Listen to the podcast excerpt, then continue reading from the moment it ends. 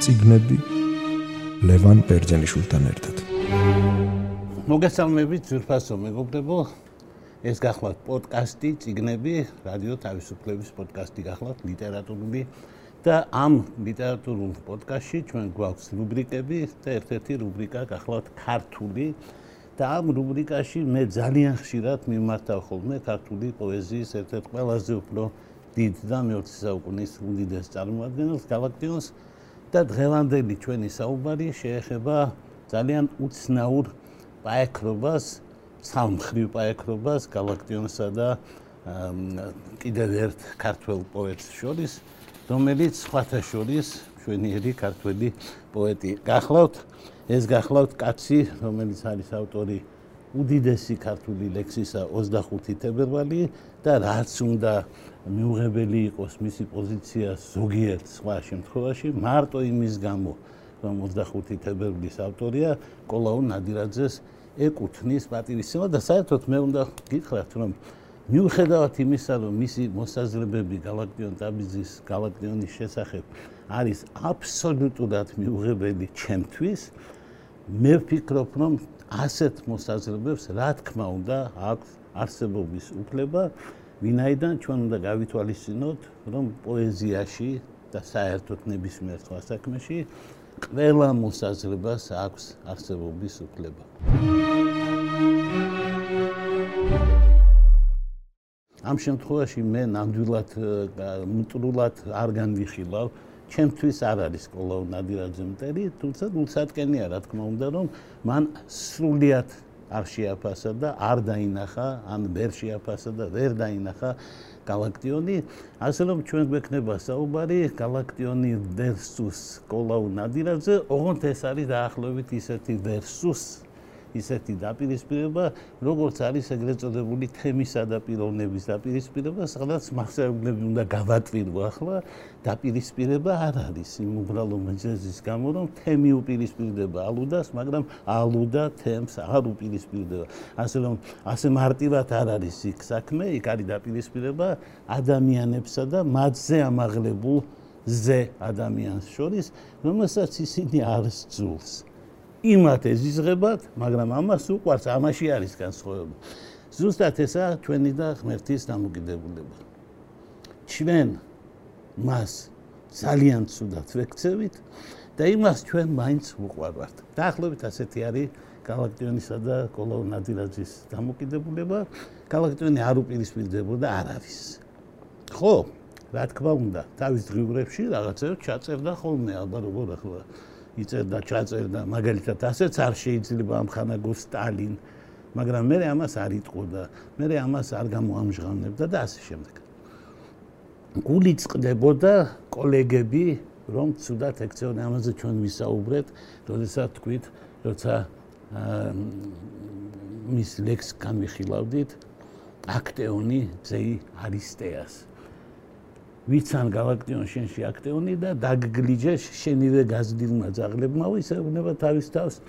მე არ ვიცი ახლა კოლონადირაძეს თვლიდა თუ არა galaktion თავის გაზრდილად ალბათ არა მაგრამ უნდა ვთქვათ რომ ეს არის ნაწილი იმ კონტექსტისა რა კონტექსტშიც არის galaktionისა და ცისფერი ყამწელების დამოკიდებულება. მოგეხსენება თავის დროზე ცისფერ ყანწელებმა galaktioni მიიწვიეს თავის ჟურნალში და მან იქ ორი ლექსი გამოაქვეყნა.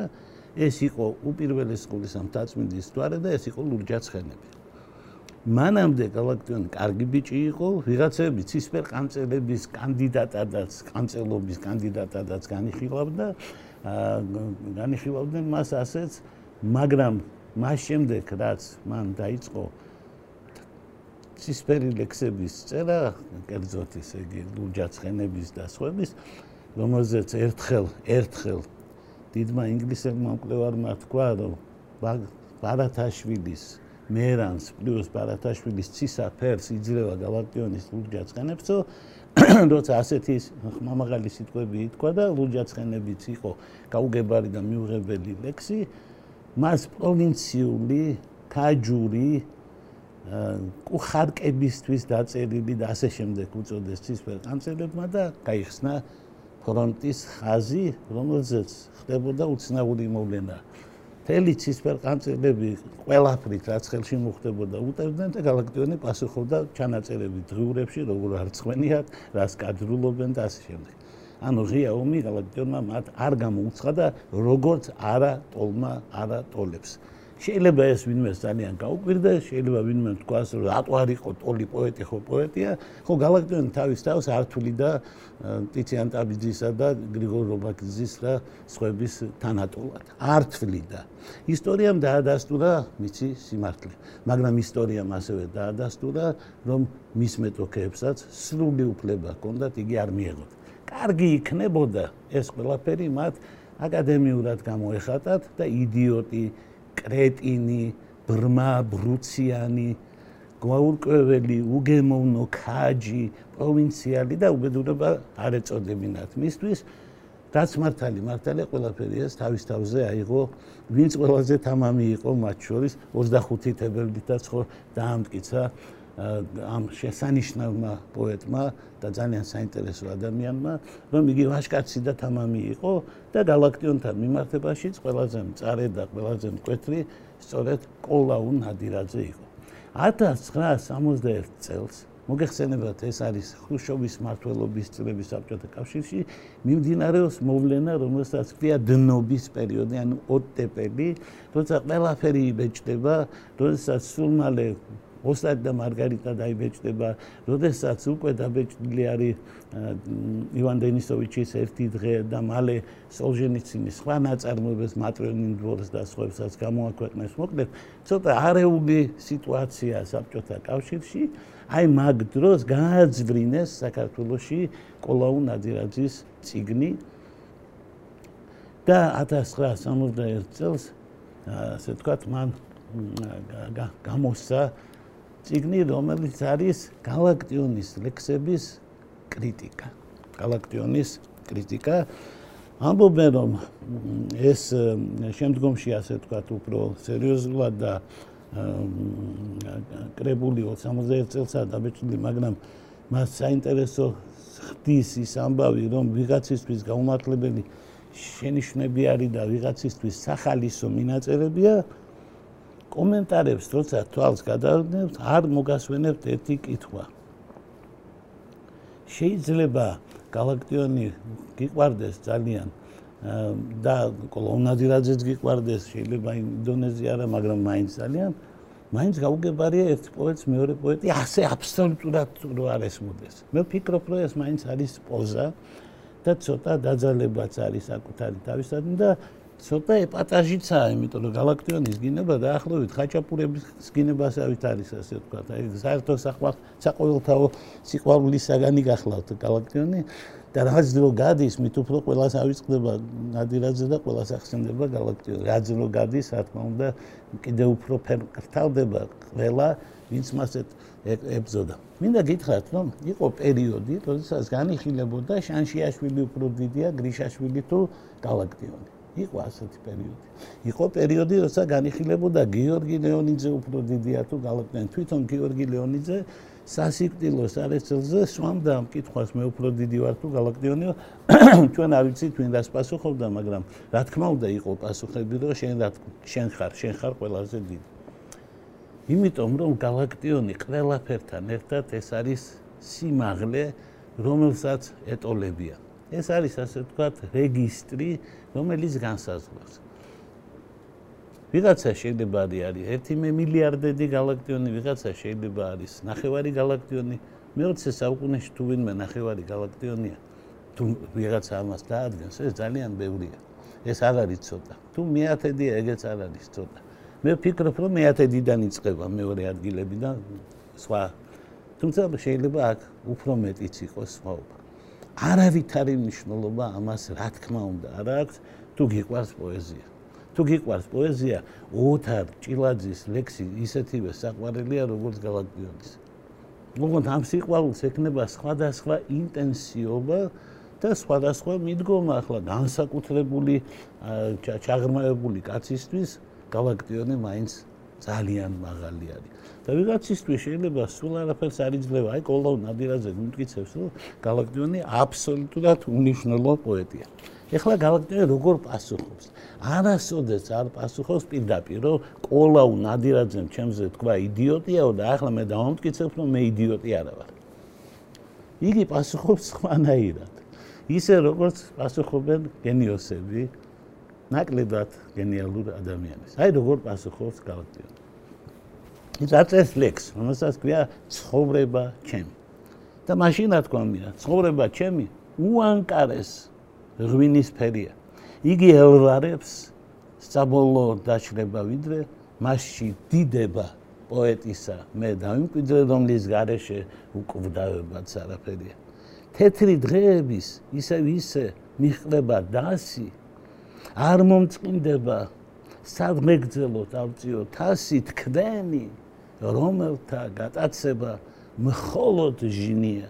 მე არც წარსულის არც მომავლის არ მეშინია. ხო არა არაშინია გალაქტიონს არც წარსულის არც არც ის სხვა პოეტებს ამბობს რომ მათ აქვთ გატაცება მაგრამ ეს გატაცება არის ჟინი. რა არის ეს ერთხელ მოურინიომ თქვა ყველა გუნჩი უნდა იყოს ერთი კალაძეო. რას ნიშნავდა მისი ეს ნახვა მის ამბობდა რომ ერთი შრომელი პატიოსანი ერთგული კაცი თუნდაც მისთვის აი ის განსაკუთრებული ნაპერწკალი რომელიც მესის აქვს რომელიც რონალდოს აქვს რომელიც რონალდოს კონდა რომელიც პელეს კონდა ზიკოს კონდა შეიძლება ის არ კონდეს შეიძლება რაღაც სასწაული არ გააკეთოს მოკლედ შეიძლება მალდინი არ იყოს მაგრამ კალაძე იყოს ამით მან თქვა რომ მას მოწონს კაცი რომელიც შეიძლება ღვთაებრივი ნიჭით არა, მაგრამ ღვთაებრივი შრომის ერთგულების პაპიროსის და ნარკოტიკის არ გაკარების და სხვა და ღვინოსთან არ გაკარების, ანუ საიმედო კაცი უნდა იყოს ყველა გუნდში. მე არ ვიცი ახლა კალაძეზე სხვა რა უნდა ვილაპარაკოთ როგორც პოლიტიკურ ფიგურაზე, არ მინდა დღევანდელი გადაცემა ამით გავაფუჭო, არ ვილაპარაკეთ, მაგრამ იგი მშვენიერი ფეხბურთელი იყო. თუმცა ყოველთვის იგულისხმებოდა რომ ამ შვენიერებაში განსაკუთრებული წილი 90% შრომა და 10% არის ის ბუნებრივი მონაცემები, რომელიც მას ჰქონდა. ვიღაცას, რომელიღაც რონალდინიოს იმდენი რო ეშრომა, რამდენი წიშრომა კავაძემ, რა თქმა უნდა, დღევანდელი ფეხბურთელები არ იქნებოდნენ დიდი ასე ვთქვათ რეკორდების პატრონები, მაგრამ ის კაცი სხვანაირი იყო. ღმერთმა იმას სხვა რამ მისცა, მაგრამ ფეხბურთში სხვა სხვა რამებიც დააგო. აი გალაქტიონი იყო იდეალური.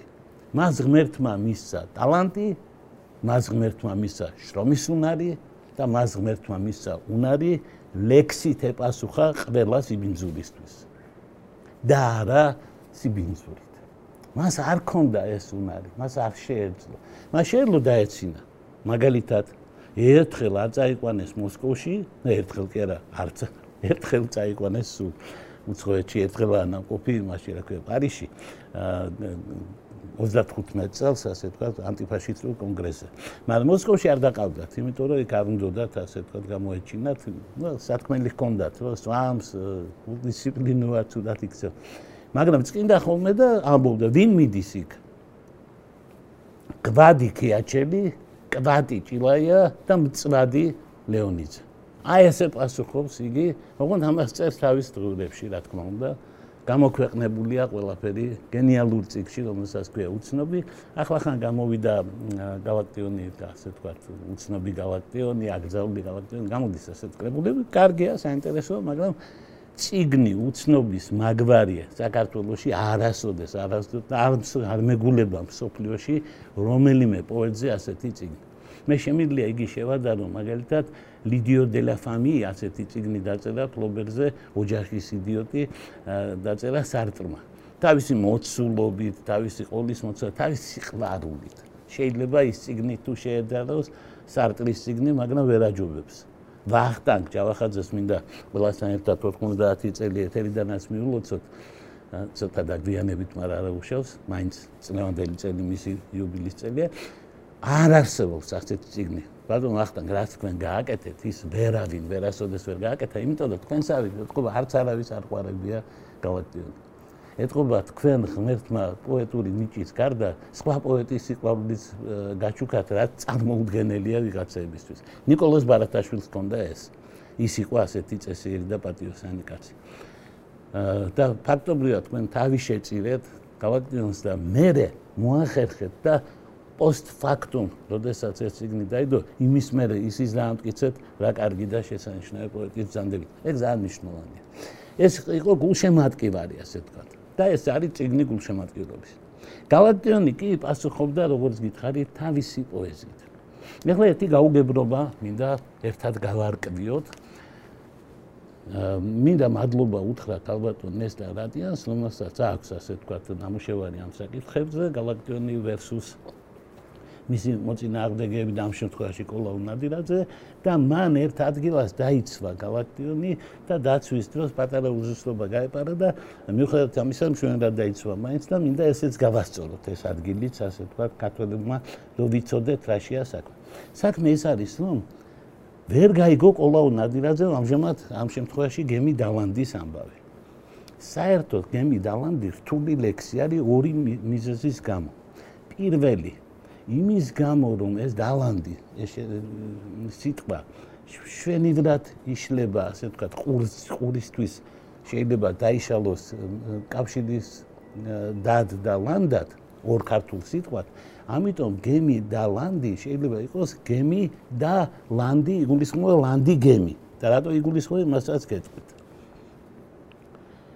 მაგრამ ამავე დროს ვიღაცამ შეიძლება ეს საერთოდ არ იცოდეს რა არის. და თქვას რომ გალაქტიონი ამ ლანდებზე იმას გადაგვაყოლა ამ სიცნულე და იდიოტობა შტერობა და ასე შემდეგ. ხო რუსული სიტყვები უყვარს ხოლმე ამ შემთხვევაში ძალიან ხშირად ხმარობს რუსულ ლექსიკას მის გალაქტიონის კრიტიკოსი ასე თქვა რა არის გემი დალანდი გვიხსნის ჩვენ ქალბატონი რატიანი? მშვენივრად რომ ეს არის სოდნა, რომელიც არ აღმოაჩნდა ერთ-ერთ პოეტს და რატომღაც აღმოაჩნდა მეორეს. გალაქტიონმა მშვენივრად იცის ვაგნერის შემოქმედება. სხვათა შორის ვაგნერის შემოქმედებაში დიდ ფორას მიცემს თელ ქართულ საზოგადოებას, მათ შორის მუსიკალურსაც. იმიტომ რომ არც მოსკოვში და არც სარდმე სადაც ყოფილა არ გამოუტოვებია მას ესენი უამრავი აქვს ნანახი და ეს მუსიკა მას უყვარდა, მას მოსწონა. ის ძალიან ხშირად ახსენებს ბეთჰოვენს, ხშირად ახსენებს მოცარტ, მოცარტთან თავი შედარების გამო მოსმო კინაღამ და გაანადგურა თელმა ცისფერმა განწერმა და განწერებმა და განსაკუთრებით კოლონ ნადირაძე, როგორ თუ გაბედა მან და მოცარტი წავალ სუბუქ ზვირთებით მოცარტივითო და როგორ თუ თავი შეადარე მოცარტსო და რა უნდა შეადაროს გალაქტიონმა თავი მოცარტს. კოლავ ნადირაძის აჩtildeს მინდა ვაწყენენ. ხო, გალაქტიონი, მოცარტი და ბეთჰოვენი, ეგდონია, ეგდონია. თქვენ ძანდებით სხვა დონე, კარგი დონე. მაგრამ მოცარტებზე და ცოტა ქვემოთ.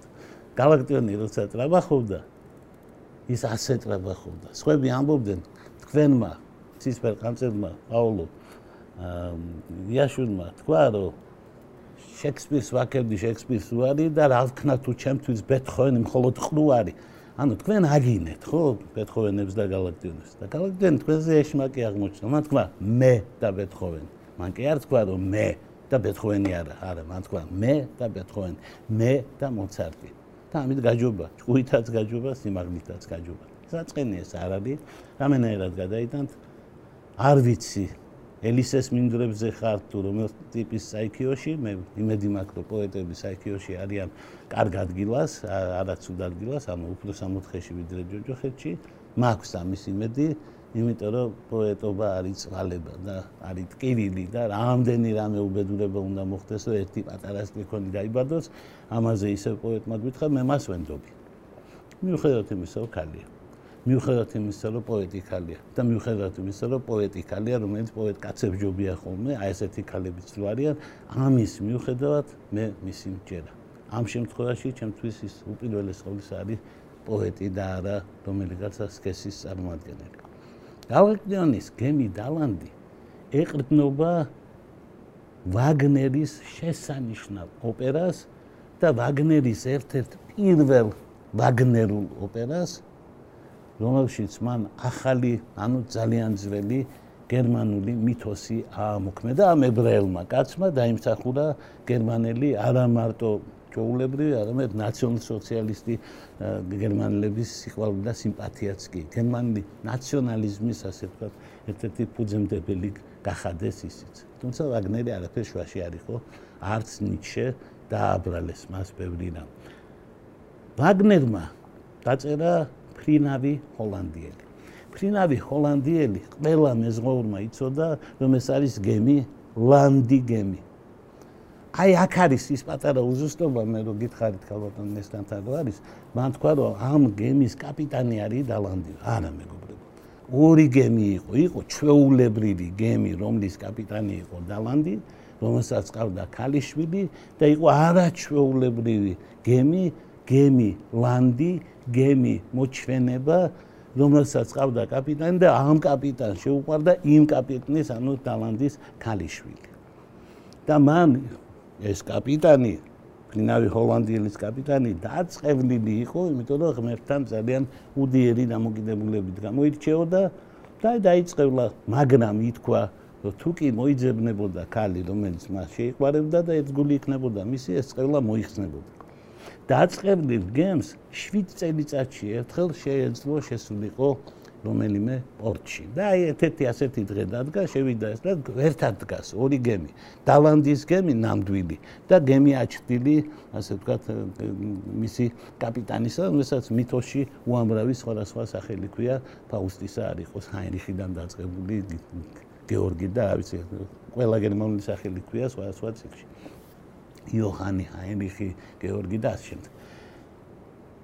და უერთგულა ამ ქალმა, რომელიც მან შეიყვარა, მაგრამ იმან არ დაიჯერა და ამ ქალმა თავი მოიკლა, გადახტა და აი მაშინ ორივე მიცვალებული სული აფრინდა, ასე ვთქვათ, ის 1000 წლის წარი არის და ვერისვენებს და ერთად აფრინდა და მოისვენა, ასეთი ფინალი აქვს ამ შესანიშნავ ტრაგედიას და ოპერას.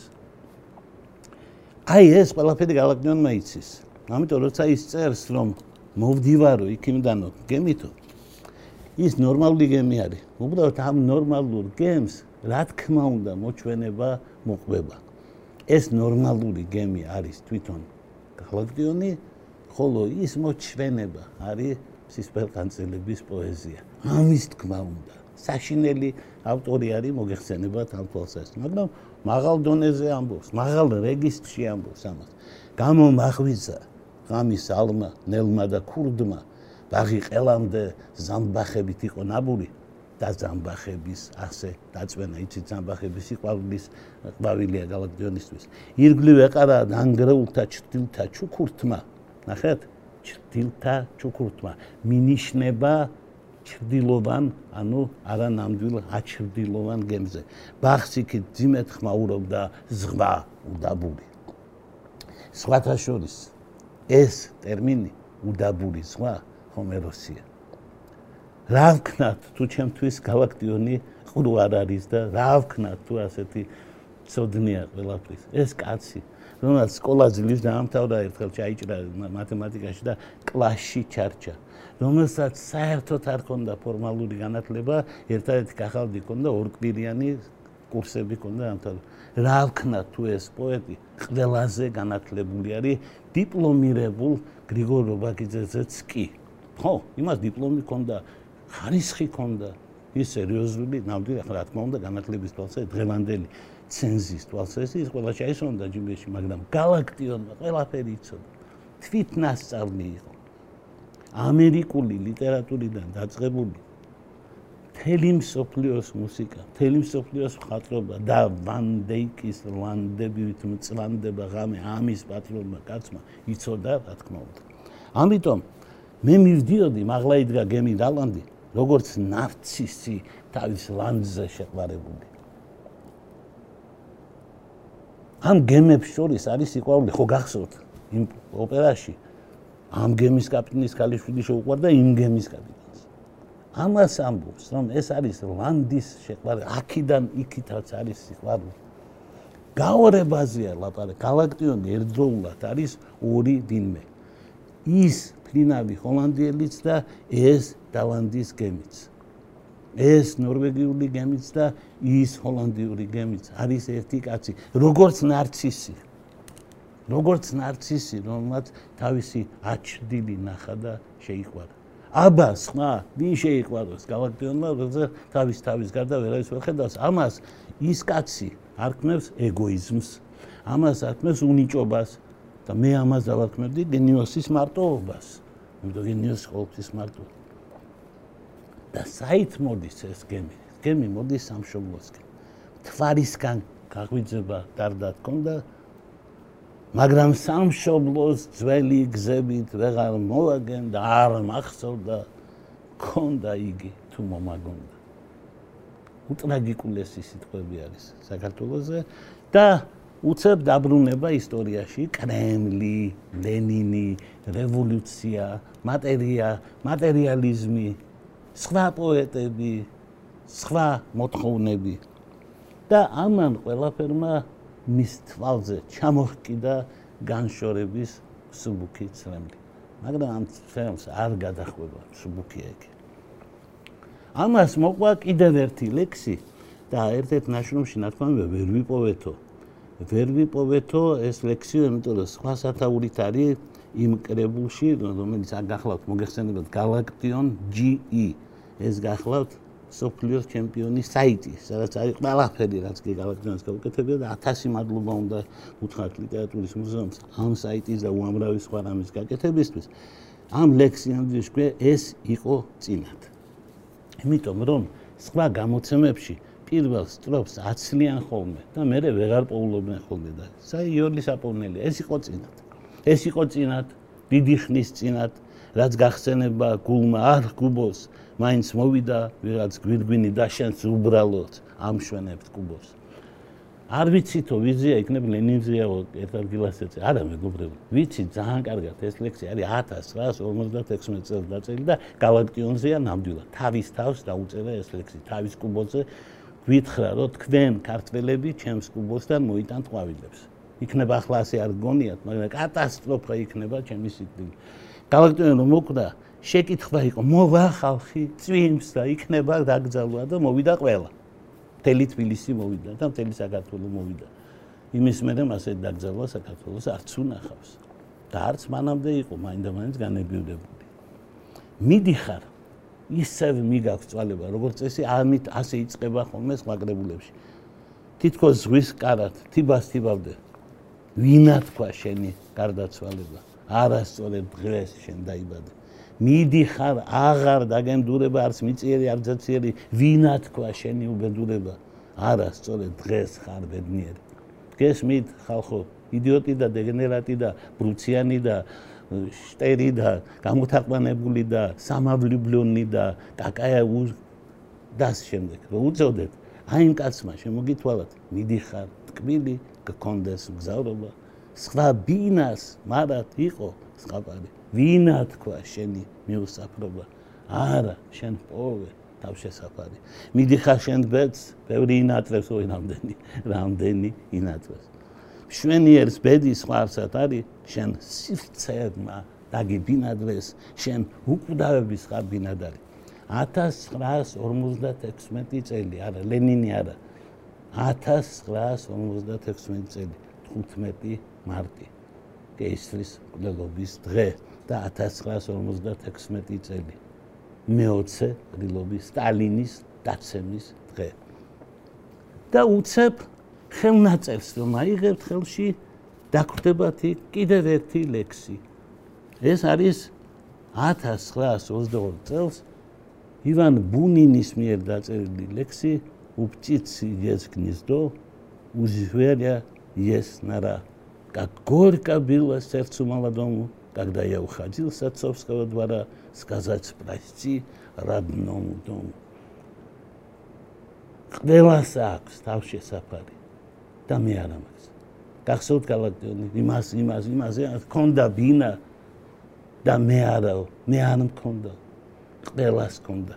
упчицы есть гнездо, у зверя есть нора. ეს ტრაგიკული სიტყვები დაიწერა 1922 წელს, როდესაც ბუნინი გაიქცა. საბჭოთა კავშირიდან და აღარასოდეს თავის სამშობლოში არ დაბრუნებულა და სვის კარში და იცხოვდა. აი ამას ამბობს გალაქტიონერს ამბობს არ მახსოვს კონდა სამშობლო თუ მომაგონდა. ხო მას არ კონდა თავშესაფარი. არასად არ კონდა. ამ ლექს მიაყოლა. მაგრამ ახლა როდესაც არასოდეს მას არ კონდა თავშესაფარი, სადაც წნარად იქნებოდა და იცით იყო რამდენიმე ადამიანი რომელიც განსაკუთრებულ პატივს ცემდა გალაქტიონს მაგალითად აკაკი შანიძე. დაინახავდა დასვამდა პრეზიდიუმში და ეთყოდა რამე თქმის სიტყვას და იყო პავლე ენგოროყვა რომელიც შეხვდებოდა ეთყოდა თქმის ცოტა იყვნენ ესე.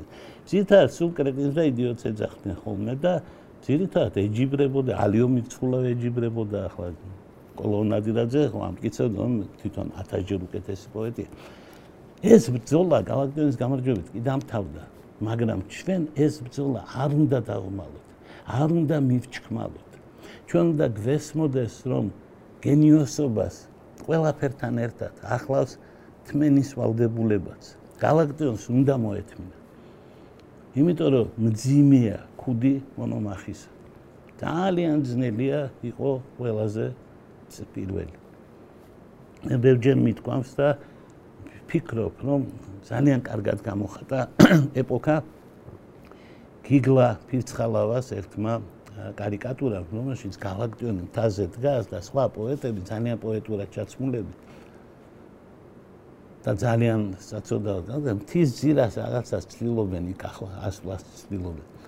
და ის იქიდან ტექსტს ეუბნება გიჭირ ბიძიკოებო. ხო, galaktion-თან შეტაკება ძნელი იყო, უჭირთ ფიზიკა, უჭირდა ფიზიკოებს, მაგრამ ამ ბრძოლაში გამოედნა, გამოიჭედა და გამოიზარდა გალაქტიონი. და მისმა სიკტილმა საბოლოოდ ყველაფერს პასუხი გასცა. თქვენ მოგეხსენებათ, რომ ერთ-ერთი მაშინ ძალიან დიდად და მნიშვნელოვნად მიჩნეული ჩვენი მოღვაწე გარდაიცვალა. და galaktionმა თითქოს და როცა გაიგო ის უნდა დაიგრძელოს და პატივი და რაც თითქოს და იმის ჯინაძე თავი მოიკლა მოგეხსენებათ და ჩვენ ვიცით რა მოხდა იმ დიდი კაცის ოჯახში. უცებ ჭირისტუფალი დარჩა მარტო აბსოლუტურად, იმიტომ მთელი საქართველო გაიქცა galaktionის სიკვდილის გაგონებაზე იმ ადგილისკენ, სადაც ეს ამბავი მოხდა. ჩვენ ის ადგილიც ვერ შევინახეთ, ჩვენ იმასაც პატივი ვერ ვეცით, იმიტომ რომ კაპიკიან საქმეს შევწირეთ ისტორიულად მნიშვნელოვანი ადგილი, ეს უნიშნელო, ეს უნიშნელო. galaktionი როგორც ერთმა კარგმა ქართულმა პოეტმა თქვა, იქიდან კი არ გადმოხდა. galaktionი იქიდან გადმოფრინდა. და როდესაც ის ამბობდა, რომ გადმოფრენას ეს ყორანი მადათოვზე აპირებს განათებს რესტორანი ტირებიან ნაპირებს, მაგრამ ყოველთვის იცოდა, რომ ეს ის არის ეს მისი გადმოფრენა. ბარათაშვილი ავიდა თაცმინდაზე galaktionი გადმოფრინდა თაცმინდიდან ეს არის ერთი სულის ორი აღზევება. ვერც ერთმა სიცოცხლეში ვერანაირი წესიერი დაფასება ვერ ნახა. ვერ ნახა. ხო იყვნენ ქალები რომ მას გადაწერეს galaktionის ლექსი და მას ეს გაუხარდა. იყო შეხვედრები სადაც მას თბილ სიტყვებს ეუბნებოდნენ მაგრამ რეალურად galaktionს ყოველთვის ჰქონდა ჩასაწერი თავის დღურში, ეს ასე galaktioni ისეთი, galaktioni geniusi და პრემია სხვას. აი პრემიების დონეზე მას სერიოზული დაფასება არ ჰქონდა. რამდენიმე შეხვედრა ჩაუგდეს. რამდენიმე შეხვედრაზე ხალხი არ მო არ მიუშვეს და ამით აჩვენეს, რომ შენ galaktion შენი ადგილი იცოდე, შენ არ ახარ ირაკლი აბაშიძე.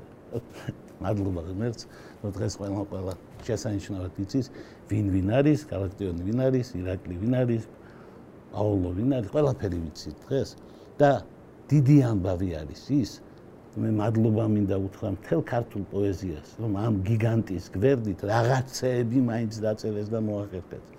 ეს გმირობა იყო ყველას მხრიდან. დიდი მადლობა ყურადღებისთვის.